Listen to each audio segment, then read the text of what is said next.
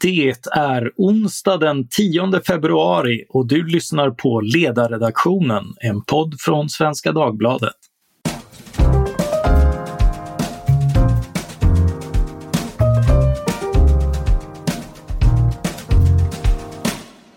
Jag heter Mattias Svensson och dagens ämne är antirasism. I maj förra året kvävdes den amerikanska 46-åringen George Floyd till döds efter att ha gripits av polis, som bland annat satt knät över hans hals så att han inte kunde andas.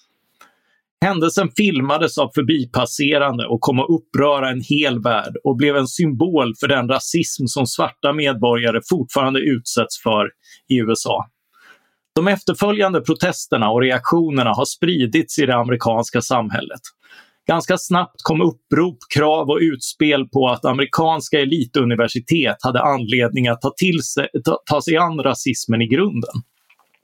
Det har ställts krav på antagningsregler som ökar andelen färgade och en översyn och granskning av fakultetens forskning och publikationer av en kommitté som ska leta efter rasistiska inslag, vilket andra forskare menar äventyrar den akademiska friheten.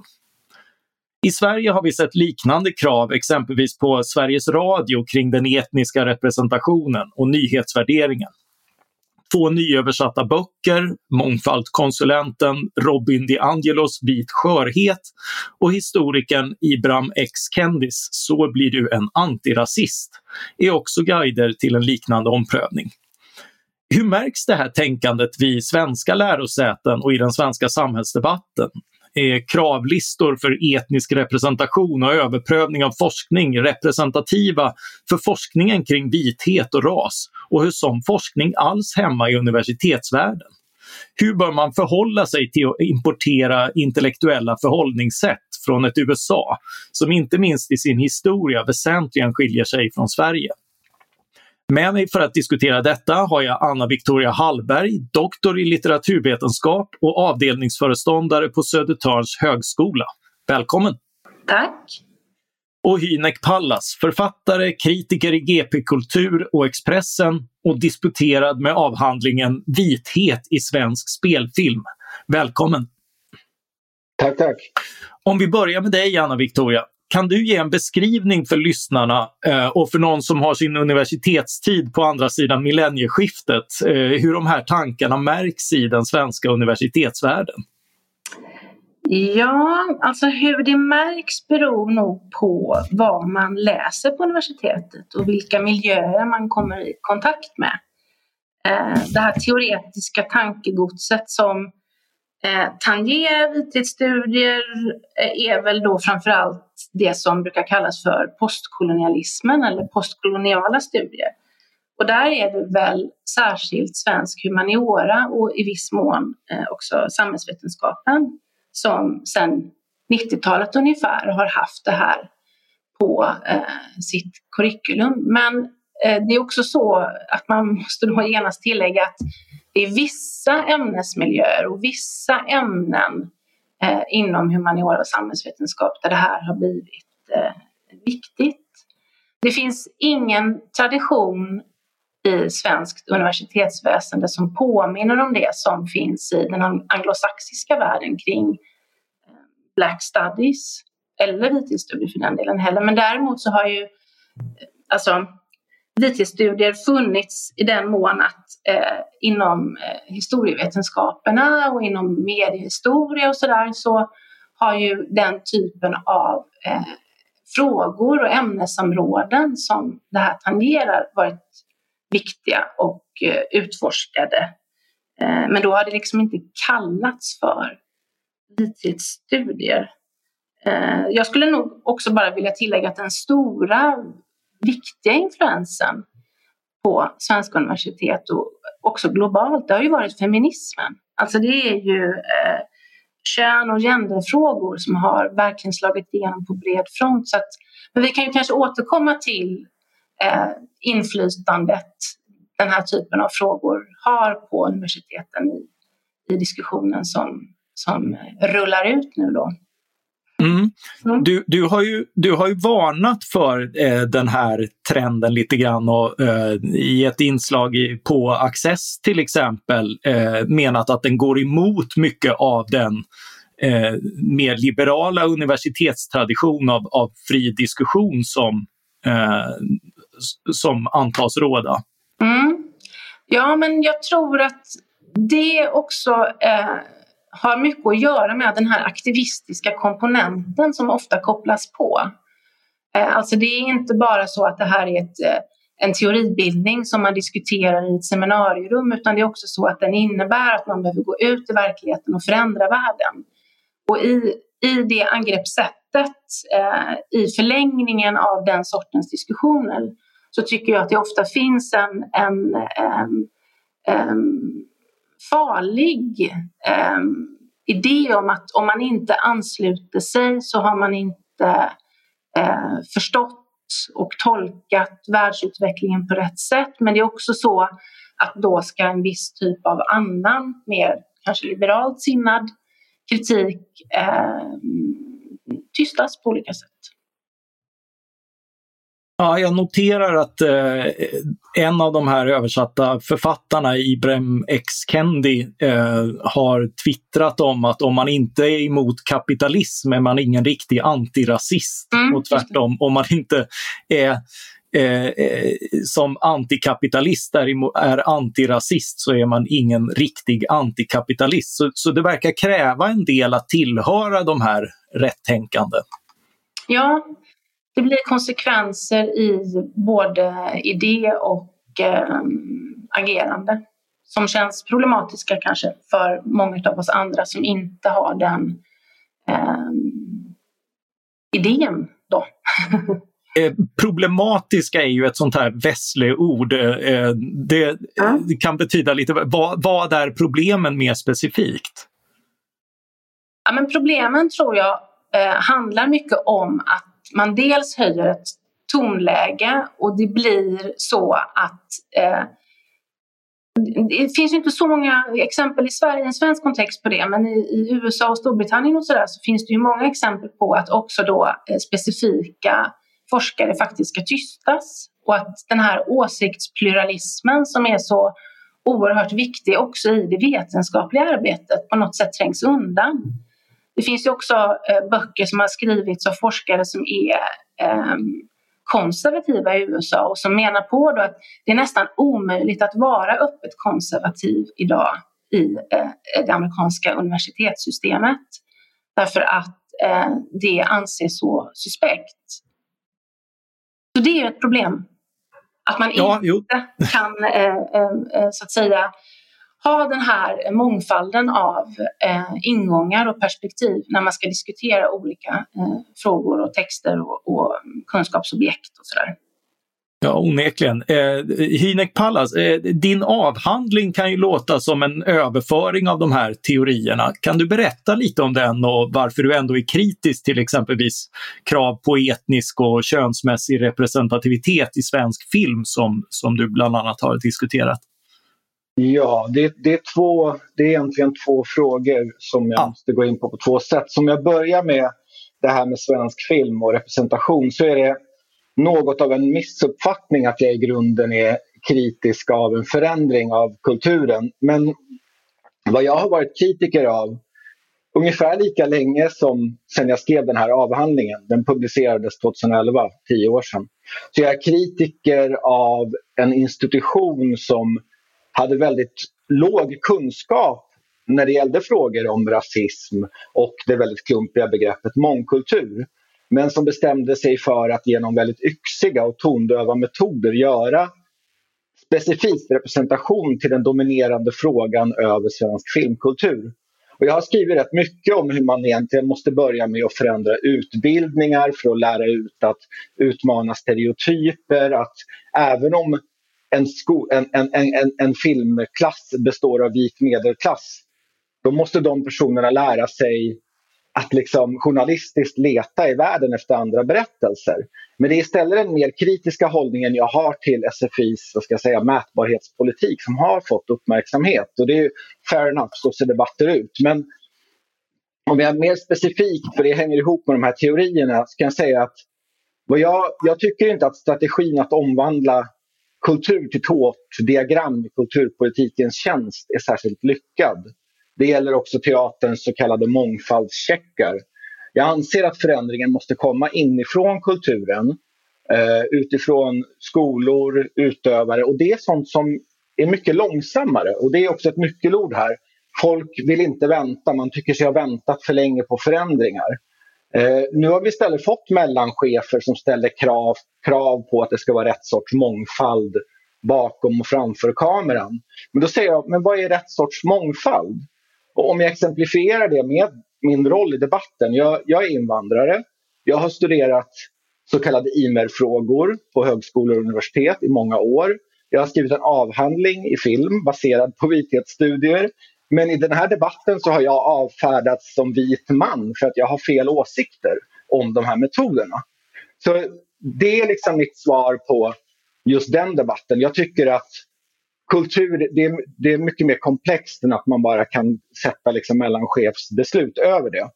Jag, jag, jag, tänker apropå det här att det också är, alltså man, man gör just en, en äh, mätbarhet, så lite grann, en, man, man kallar in konsulterna för det här. Skapar ju också ett program som man kan eh, som man kan kvantifiera, lägga ut på någon granskningsbyrå eller en mångfaldskonsulent mm. och så kan man bocka av det i sitt eh, eh, i, i, i, i, sitt Excel-ark. Mitt väldigt, precis, mitt väldigt enkla svar på varför det blivit så här är, det är därför jag återkommer till det här med mätbarhet.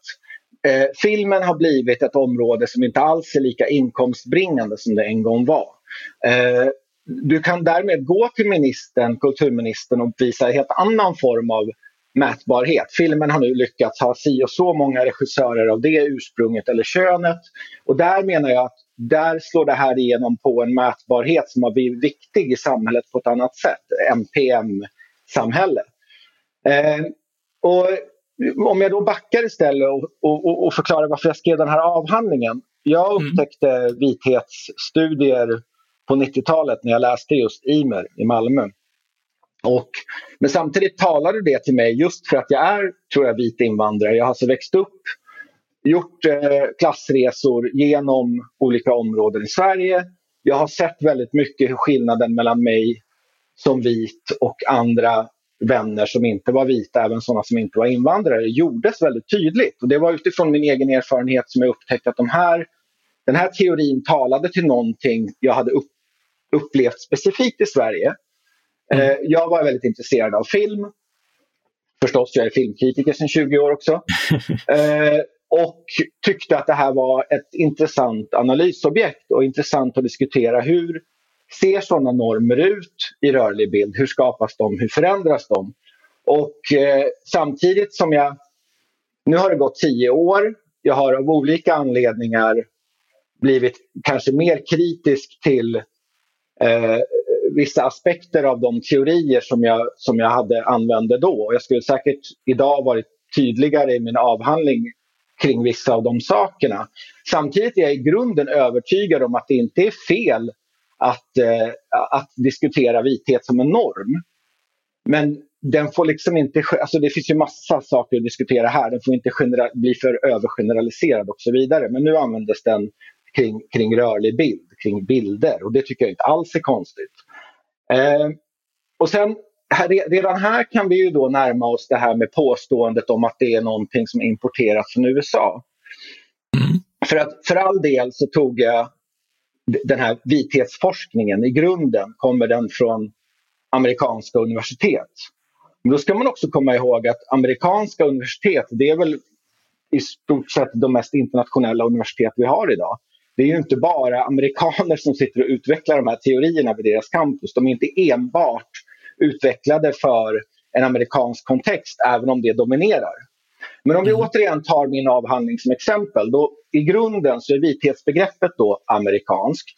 Men jag använder begrepp som har utvecklats av Paul Gilroy i England om hur England sörjde förlusten av imperiet. Något han i sin tur tog från Tyskland eh, tyska psykoanalytikers analys av hur Tyskland sörjde förlusten av fadersfiguren Hitler. Jag tog, eh, ska vi se, vad har jag med där? Thomas Elsasser, tysk professor. Jag tog begrepp från fransk postkolonialism och sen utgick jag ifrån eh, svenska teorier om folkhemsnostalgi. Så jag skulle säga att nästan uteslutande är teserna och teorierna som jag arbetar med i min avhandling ytterst europeiska eller svenska och sen försöker jag omvandla dem till svenskt förhållande. Eh, det, jag kan säga exakt samma sak gäller eh, Tobias Hübinettes och Katrin Lundströms besläktade teori om vit melankoli som de har utvecklat för svenskt förhållande. Eh, där de tar en massa eh, teorier som har utvecklats i Europa också. Så att det, här, det har blivit väldigt förenklande att tala om att vi, vi, vi bara har någonting anglosaxiskt eller något som är importerat från USA. Och jag är lite, lite orolig över att det har blivit så dominerande för att det går ju rätt in i eh, det som sker också i Central och Östeuropa där man talar om eh, främmande genusteori och så vidare. Nu säger jag inte att alla som är kritiska mot det här i Sverige är urbanister. Men man måste också förstå, nej, men man måste förstå en avgrundsskillnad mellan... Det är väldigt lätt för Orban eller i Tjeckien att göra det här för de har en helt annan akademisk universitetstradition. Det är mycket lättare att säga att det här är främmande saker. I Sverige borde vi vara klyftigare än så och se hur, hur idéer och teorier alltid har strömmat internationellt eller i, i västvärlden. Liksom. Och jag tycker att eh, den, en hel del av svensk vithetsteori har varit väldigt skicklig på att titta på även svensk finländares roll och så vidare. Så det, det, det, är snarare så att debatten befinner sig långt efter sånt som görs i forskning och som är ytterst väl eller applicerat på svenska förhållanden. Mm. Eh, jag som amatör som tittat på det här, jag, jag tycker det är mycket att man, man, eh, man läser protokoll med lite nya ögon, eh, mm. gamla riksdagsdebatter och annat. Det, det, det, är väldigt mycket av, av en eh, eh språkanalys som, eh, som sällan lämnar eh, skrivbordet. Det, det, finns både och. Det finns ju avhandlingar och texter om svenska. Alltså det finns ju både empiriska studier om hur upplever sig Eh, det finns en, en, forskning om svenska latinas, heter den boken, som, som, som är en empirisk forskning eh, om hur, hur, eh, hur tjejer med, med latinamerikanskt ursprung upplever sig i svensk vithet. Det finns forskning om adopterade som är empirisk, men det finns också väldigt och det finns det min egen som tittar på film. Sen finns det folk som naturligtvis läser riksdagsprotokoll och analyserar om eh, sånt som tidigare diskuterades inom ramen för klass diskuteras nu inom ramen för vithet. Eh, skärningspunkten är väldigt tydlig och återkommande. Eh, men men det, vore, det vore lugn att säga att det bara är begränsat till det. Och att sen måste komma ihåg att det här, eh, det här är unga, unga teorier. Och jag tycker det finns en, en, en eh, sociologiprofessor, Karin, eh, Karin Stögner, som ägnar sig mycket åt antisemitism. Hon har kritiserat vithetsbegreppet eh, och intersektionalismen. Men hon har också skrivit väldigt bra om hur intersektionalistiska begreppet kan lära av ett mycket äldre forskningsområde som det kring antisemitism och utvecklas. Så hon är inte a priori bara kritisk utan menar att det här är ungt, det här måste utvecklas. Och det är lite så jag ser det också. Och det är därför jag är så stenhårt kritisk mot, förlåt, men charlataner som DeAngelo som verkligen är antiintellektuella och nästan direkt farliga Eh, för att man måste hela tiden se på vad som är problematiskt inom teorier, utveckla dem hela, hela, hela tiden, vara noggrann, vakta gränsen mot det som, vi var inne på Kendi tidigare, är antipluralistiskt. Och, så du håller med om att det är just den här eh, mer aktivistiska eh, aspekten som, eh, som ofta plus de förenklade lösningarna som Anna var inne på som är problemet? Eller ligger problemet också i en tanke och analysvärld här? Alltså det som Robin DiAngelo har utvecklat är ju redan idiotiskt i sin så kallade tanke och analysvärld. För det är, en, det är ett låst system eh, där din hudfärg gör att du inte kan komma ur det. Hon, hon menar ju att om en vit person argumenterar eh, när den blir anklagad för att vara rasist. Då är själva argumenterandet en vit skörhet. Och genom argumenterandet så är man då automatiskt bevisar man sin rasism och inte bara det, man mobbar den som är icke-vit. Eh, det där är ju jag vill inte, vill inte använda begrepp som totalitär som många använder kring det här, men det är ett låst system. Du kommer inte ur det. Det är antiintellektuellt och det är farligt eftersom det essentialiserar hudfärg. Så där har vi det liksom redan i teorin. Sen så håller jag helt med om att problemet uppstår ännu mer när vi har aktivism, eh, trubbig aktivism kopplad till det. Anna Victoria, jag, jag, skulle gärna vilja ha din kommentar om, eh, om, om den här forskningsområdet och, eh, och de här böckerna. Ja, men jag tror att eh, vi är inne på någonting nu som är eh, viktigt. Om jag tar mitt eget ämne litteraturvetenskap som utgångspunkt så är det ju så här att du kan ju syssla med, med eh, eh satsbyggnad eller med narratologi eller med eh, syntaxer eller semiotik. Alltså du kan syssla med ganska mycket eh, som kringgärdar litteraturvetenskapens, vad ska man säga, kärna och utgångspunkter. Men det är ju den här typen av frågor som vi är inne på nu som olika ämnen på universitetet kan börja liksom hitta ett växelspel med samhället utanför universitetsbyggnaden. När vi liksom dras ner från Elfenbenstornet och ut i verkligheten. Och då mm. får de ett, eh, en ny typ av um, eh, kraft. Men också tror jag i den här digitala åsiktstombolan som många av oss eh, lite motvilligt deltar i med någon slags skräckblandad förtjusning. Där ju ganska eh, perifera eh, frågor kan eh, hamna i centrum. Mm. Eh, och där tror jag också att det som Hynek är inne på med att många av de här vetenskaperna eller frågorna eller liksom begreppen är rätt unga. Det finns fortfarande en hel del barnsjukdomar kopplade till dem. Men där är det också viktigt, tror jag, i det offentliga samtalet och i diskussionen att man lite grann håller emot när det drar iväg och blir för eh, liksom, tramsigt faktiskt. Mm. Eh, men att man samtidigt kan hålla ögonen på det som kanske är då eh, eh, viktigt. Och det är därför jag också har reagerat på eh, den uppmärksamhet som de här böckerna ändå får med tanke på hur otroligt mycket annan eh, akademisk litteratur som produceras och ges ut på mindre förlag och som finns tillgängligt på nätet och sådär. Så ja, ja, hur pass representativa är de för, eh, för, för akademin av idag? Nej men alltså det som, som eh, Hynek, det som du är inne på nu, det skulle jag inte säga är representativt. Det är minoritetsuppfattningar eh, eller mycket radikala miljöer som säkert kan finnas men, men det är inte någonting som är eh, allmängods. Att, eh, att betrakta hudfärg i den här essentiella meningen. Det har, det har jag liksom aldrig faktiskt stött på. Nej. Däremot finnas radikala teorier kring, kring annat, men in, inte alls på det sättet. Det, Nej, det känns främmande för mig. Det, det, är därför det är viktigt att inskärpa att Robin DiAngelo är problematisk. Och förlåt, nu kom det där ordet, men jag ska faktiskt byta ut det mot farlig. För att Robin mm. DiAngelo, eh, hon är ju alltså eh, workshop, mångfaldskonsult på ett sätt där det hon arbetar med det utspelar sig på amerikanska arbetsplatser. Och genom, genomslaget som den här boken fick hänger ihop med eh, att hon sen fick mer och mer lukrativa uppdrag på större och större företag där hon då iscensätter de här teorierna. Och eh, eh, Afroamerikanska historiska museet i Washington hade under en period förra sommaren de här teorierna på sin hemsida tills kritikstormen blev för stor. Så att hon har fått ett genomslag utanför den akademiska världen.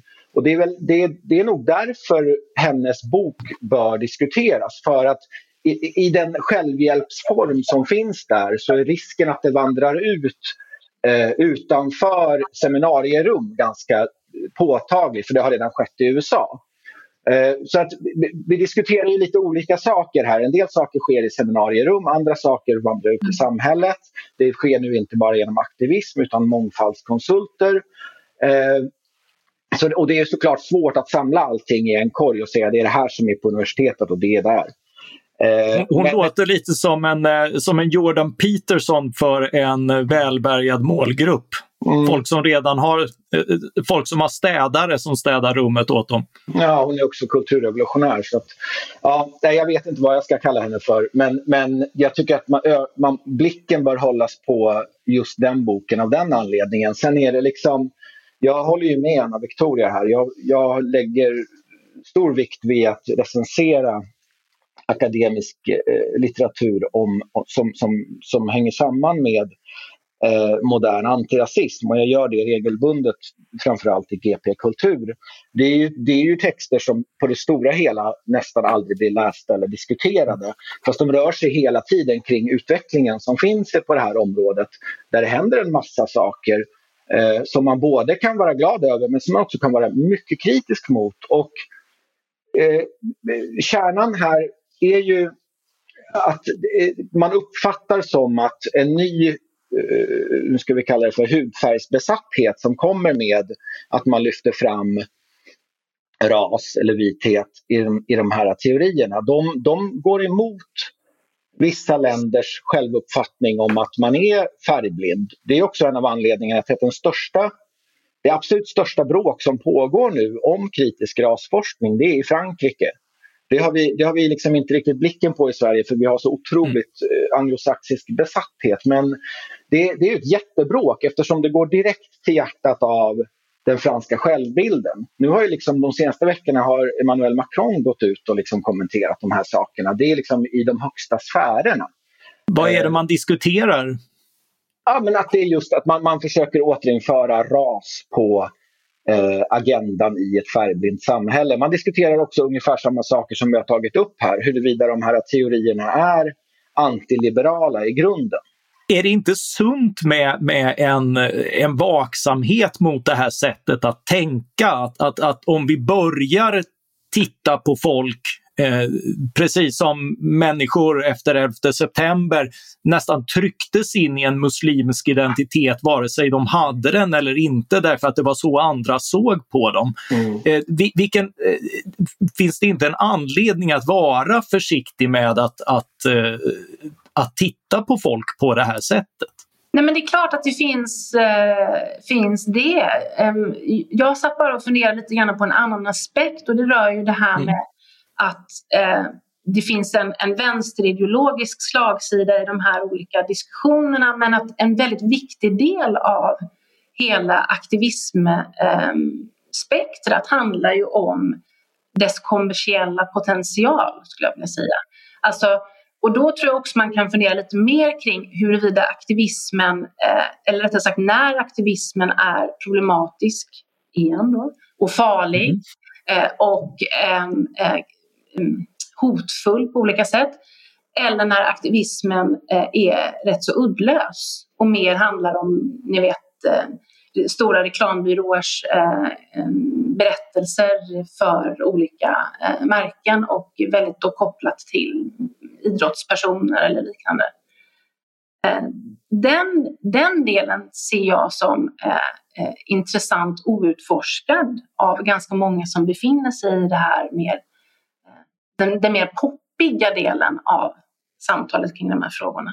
Förlåt, jag var bara tvungen att, att gå vi, vi, vi, kanske kan, vi kanske kan återkomma till det just för att jag har tänkt rätt mycket på vilken status det här har i kulturvärlden och kulturbråken som finns och de hänger ju exakt ihop med det du påtalar här.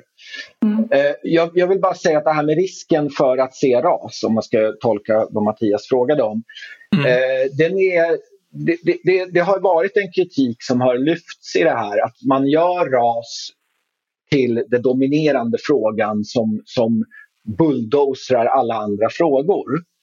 Eh, ja, när jag skrev min avhandling då var, då var jag liksom, då, då var jag, jag snar, i alla fall snarare mer ute efter att återinföra inte att folk ska se ras, men bli med, alltså medvetna om att det finns andra variabler i ett samhälle som knappast kan kallas för, för färgblint. Och att mm. det finns saker vi måste diskutera här. Det finns andra forskare som Tobias Hübinette är väldigt inne på det här med, med rasstatistik och vikten av den. Om man ska påminna om att i, i en svensk miljö så är han en extremist. Han, eller han, förlåt, han betraktas som en extremist men Han lyfter alltså saker som The Economist lyfter. Under pandemin har The Economist återkommande påpekat hur eh, man genom rasstatistik kan komma åt hur pandemin har drabbat. Alltså, även om de menar att klass är dominerande där har de poängterat att den formen av statistik är viktig för att förstå det. I Sverige har vi inte den diskussionen, heller inte riktigt i Frankrike just för att vi så att säga har eliminerat rasbegreppet. Och det, det är lite där som, som det blir, av förståeliga skäl så reagerar man när folk börjar diskutera rasbegreppet. Det är vår liksom primära lektion efter, efter förintelsen att vi pratar inte mer om ras för rasbiologi var fel. Mm. Men det har med det försvunnit en del förståelse av hur världen är konstruerad, tycker många. Jag tänker på när jag för några år sedan intervjuade en amerikansk kriminolog, Frank Simring, som skrev om brottsnedgången i både USA generellt och för, eh, specifikt för New York, så noterade jag att han var helt ogenerad kring att redovisa kriminalstatistik efter etnicitet. Och I Sverige har sån statistik varit mer känslig. Och där är det intressant att den debatten har ofta omvända förtecken, att de som är positiva till redovisning av kriminalstatistik efter etnicitet tenderar att vara negativa till att diskutera etnisk representativitet i medier och på universitet eh, och vice versa. Eh, hur kommer det sig och, och var står ni?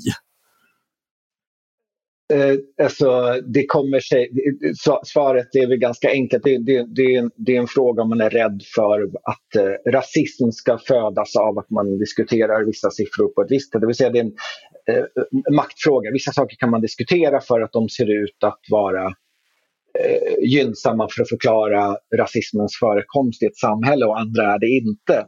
Eh, jag kan direkt säga att en, en total import av raskategorier så som de används till exempel i USA kommer inte att vara någon dundergrej. Jag, jag, har varit, jag har skrivit om det här både kritiskt, jag är inte alls övertygad om eh, fritt användande av rasstatistik, att det är jättebra. Men jag är samtidigt inte alls övertygad om att vi ska fortsätta som vi har gjort.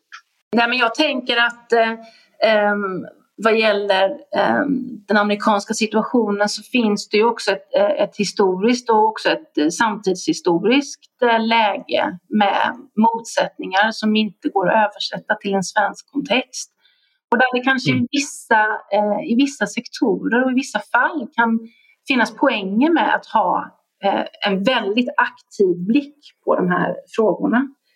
Eh, men mångfaldsbegreppet är ju problematiskt också därför att eh, om man tar till exempel ehm, min värld då kring utbildnings och forskningsfrågor och om man är, befinner sig på departementet så är det ju väldigt tydligt att man är mån om att ha personer där som eh, har kanske indiska eller afrikanska och svenska namn och sådär. Men samtidigt så är, är, det ju så att nästan alla har läst statskunskap i Uppsala. Mm. Åsiktspluralism och hudfärg. Alltså, jag, jag, tänker att man måste ändå börja eh, eh, lyfta sig lite ifrån det här, eh, den här idén om att dels att det inte finns förändring, därför att det finns det, och dels att allting förklaras eh, och förstås genom de här liksom väldigt fasta kategorierna. Det jag försökte föra in här när jag pratade om Svenska Filminstitutet och min egen roll i den debatten där jag lite ironiskt nog ganska ofta är den enda, då, inte bara invandraren, jag brukar inte, liksom inte spela det kortet, eh, men den som har utbildning på det här området och har liksom ägnat, till och med skrivit en avhandling det liksom putsas, det liksom viftas bort med att jag är, jag är vit man. Och nu, nu, det kan låta liksom krasst då. Ibland är inte debatten fullt så liksom grov. Men det kokar ofta ner till det och där håller jag med. att eh, Det blir som att inte bara åsikten utan vad, är, vad, vad, vad bottnar det här i för kunskap? Liksom? Och det är ju, jag har skrivit om, om, om, om Sveriges Radio uppropet nu också. Och där, där kommer ju likadana saker igen. Jag har jobbat på Sveriges Television. Det var ju inte direkt den mest åsiktspluralistiska miljön, alltså när, när det gäller vad människor har för utbildningar. Jag hade ju då alltså mm. den här bakgrunden, jag hade det här intresset för invandring, mångkulturrasism. Det är inte som att det finns, i alla fall då för tio år sedan, fanns supermycket av den erfarenheten där. Eller kunskapen ska jag säga, inte erfarenhet. Eh, så att jag, jag håller helt med Anna Victoria här att det här tenderar att, liksom, det här tenderar liksom att försvinna. Och det är också en förklaring till varför den här frågan är mycket svårare att eh, bemöta i offentligheten. Vi, vi, var inne tidigare på den här åsiktstombolan, liksom, där det kommer snabba åsikter i det här ämnet. Och när det här ämnet vandrar ut där så är det för många jättesvårt att vara kritisk. Dels så vet man väldigt lite om det. Dels så har det ju då blivit att eftersom det är självuppfyllande, du är rasist om du är kritisk mot det här, så är det många som inte vill gå in i den debatten. Det, är också, det, det gör ämnet farligare men det gör det också svårare för många att gå in i det, vilket i sig då blir farligt. Det är väl det vi kallar polarisering när vi menar det som eh, något negativt. Att, eh, att, att det finns liksom nästan inget sätt att bemöta det annat än att bli förbannad och avfärdande.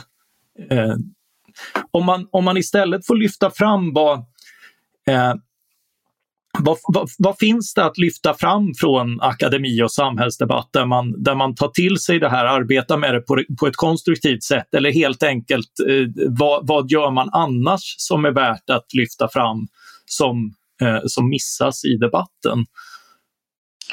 Nej, men jag menar ju att det finns eh, ganska mycket torr forskning som handlar om de här mm. frågorna. Alltså inte minst inom historievetenskaperna men också eh, eh, andra ämnesområden, litteratur och filosofi har ju eh, vitaliserats av att de här frågorna och perspektiven har eh, kommit in och används.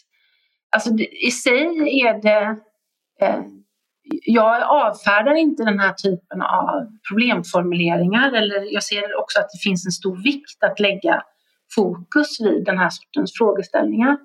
Eh, men däremot så är det ofta så att det är det mest spektakulära och det mest ögonfallande och det som kanske går lite utanför det gängse som får, som får liksom, eh, fart utanför de akademiska eh, väggarna.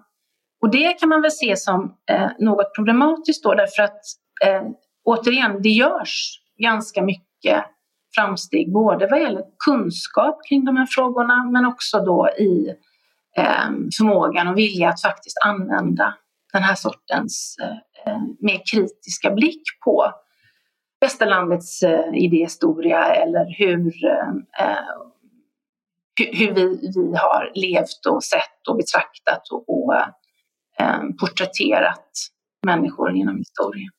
Är inte det här alltså någonting som tenderar att, eh, alltså alla sådana här kritiska perspektiv till vilket man eh, kan lägga det här, det, det, var någon av er som var inne på, på likheten med feminismen, eh, att Ja, det börjar som ett fritänkande, ett ifrågasättande och, eh, och, och rätt eh, kul eh, perspektiv men slutar i att, att man får liksom någon form av, av nya kommissarier, regelverk, förhållningssätt som, som snävar in. Man, man blir liksom från en lekande människa till en samhällskritisk som Blå tåget eh, skaldade över, över 70-talstiden. Eh, ligger det någonting i det och är det här, de, de här eh, nya böckerna vi sett nu, eh, kommissariedelen som, som vill göra det till en, till en policy och, och hindra andra tankesätt. Det är mycket god poäng. Mm. Jag, tror att de, ja, jag tror sakerna existerar parallellt. Eh, men ja, vi ser en utveckling mot det. Men att, att, det, det, jag, jag, tror att anledningen, om vi återvänder till USA, så det, har det väldigt mycket att göra med det politiska läge Eh, Eh, eller det politiska ögonblick som USA befinner sig i där liksom rörelsen mot någon sorts frigörelse är extremt liksom, eh, essentialistisk, väldigt drastisk. Så det hänger både ihop med liksom, ämnenas natur men också där USA befinner sig nu. Eh, och det, det kanske går igen i Europa också på grund av att vi också har ett mycket mer polariserat eh, politiskt läge om vi ska använda det ordet. Eh, och att det kommer till Frankrike. Det, Frankrike är inte det enda landet med ett stort extremhögerparti. men, men, jag skulle säga så här, när det gäller det här eh, skillnaden mellan samhällsdebatt och aktivism, eller vad säger och akademi. För att, precis som Anna Victoria är inne på, det här har då pågått även inom filmvetenskapen, eh, berikat, det, görs, det kommer nya perspektiv och nya analyser och man stöter och man blöter. Medan liksom den mer eh, kulturdebatten om film eller filmdebatten som pågår, där händer det istället saker som att liksom skådespelare attackeras för vilka roller de har tagit. Som när eh, Gal Gadot, det var väl det senaste, hon eh, ska spela Kleopatra. Och det kan inte hon som en väldigt ljus judinna alls göra tycker man och det blev en jävla storm. Eller när skådespelerskan Zoe Saldana i fjol bad om ursäkt efter fyra år. Hon hade spelat eh, äh, äh, eh, eh, musikern, sångerskan äh, Nina Simone i en film 2016 och blev kritiserad för det för att hon är, So Saldana är afrolatino och hon är inte tillräckligt mörk för att spela den rollen, anser man. Och det här kommenterade inte hon på fyra år och sen förra årets liksom Black Lives Matter Eh, Eh, demonstrationer och sånt. Då gick hon ut och bad om ursäkt, gjorde avbön. Liksom, den här rollen borde jag aldrig ha tagit. Eh, kulturdebatterna ser mycket, eller debatterna, filmdebatter eller vad man ska kalla det för, ser mycket oftare ut så här än det som pågår i vetenskapen. Anna Victoria som är litteraturvetare kanske har exempel på just det här området innan vi avslutar. Den typen av exempel som, som du Hinek är inne på nu, det är den typen av exempel som jag menar att man Alltså, de blir ju så, så tydliga och så, eh, så både tramsiga och eh, ehm, eh, ja, man, man känner en viss eh, aversion mot att överhuvudtaget ge sig in i en sån liksom, diskurs, tycker jag. Att diskutera den typen av exempel. För att de är ju eh, så, eh, så starkt förknippade, för mig i alla fall, med eh, populärkulturen. Problemet är ju återigen då att populärkulturen eh, eh, hamnar ofta i olika eh, samspel med det som sker inom akademin när man just kommer in på frågor som har den här eh, samhällspotentialen. När det handlar om det vi alla upplever och lever i. Och det är, eh, det är därför jag tänker att man egentligen kanske borde försöka vara lite blind för de här mest extrema exemplen och inte kasta in dem i den här digitala eh, acceleratorn kring eh, trans och strunt. Det är ingen kritik mot dig nu, Hynek Ballas, men Eh, nej, eh, eh, nej, kan, kan, kan vi få några avslutande exempel på vad man skulle kunna lyfta i istället?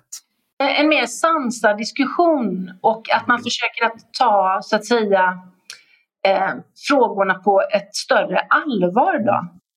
Det, det tror jag är, är viktigt och att man ser eh, varför de dyker upp just nu men att man också försöker att eh, liksom behandla dem lite mer grundläggande. Mm. Alltså jag, typ, jag borde ta exempel på hur man med hjälp av till exempel vithetsperspektiv kan, kan förstå just de här ursprunget till frustration bättre. Nu har inte vi tid för en lång utläggning om det men när, när eh, Harvard-professorn Michael Sandel skriver om, eh, om i en färsk bok som heter The Tyranny of Merit som är ganska omdebatterad så går han in på hur en vit arbetarklass i USA har reagerat på förändringar i det amerikanska samhället. Då går han ju in både på klassaspekten och vithetsaspekten. Vad var det som utmärkte just den vita arbetarklassen? Vad, med W.E.B. Du Bois begrepp om, om, om mental lön som vit arbetarklass hade i det amerikanska samhället. Vad spelar det för roll?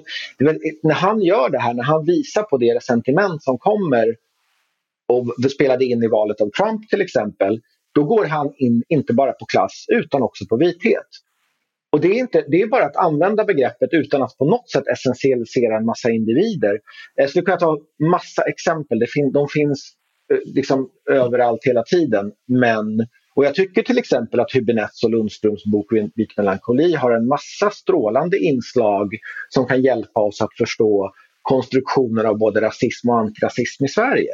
Så att eh, vi förbiser de inslagen och tar upp de mest extrema även ur samma bok. Och det är väl lite det också som Anna Victoria är inne på, att man måste sluta upp med det. Liksom.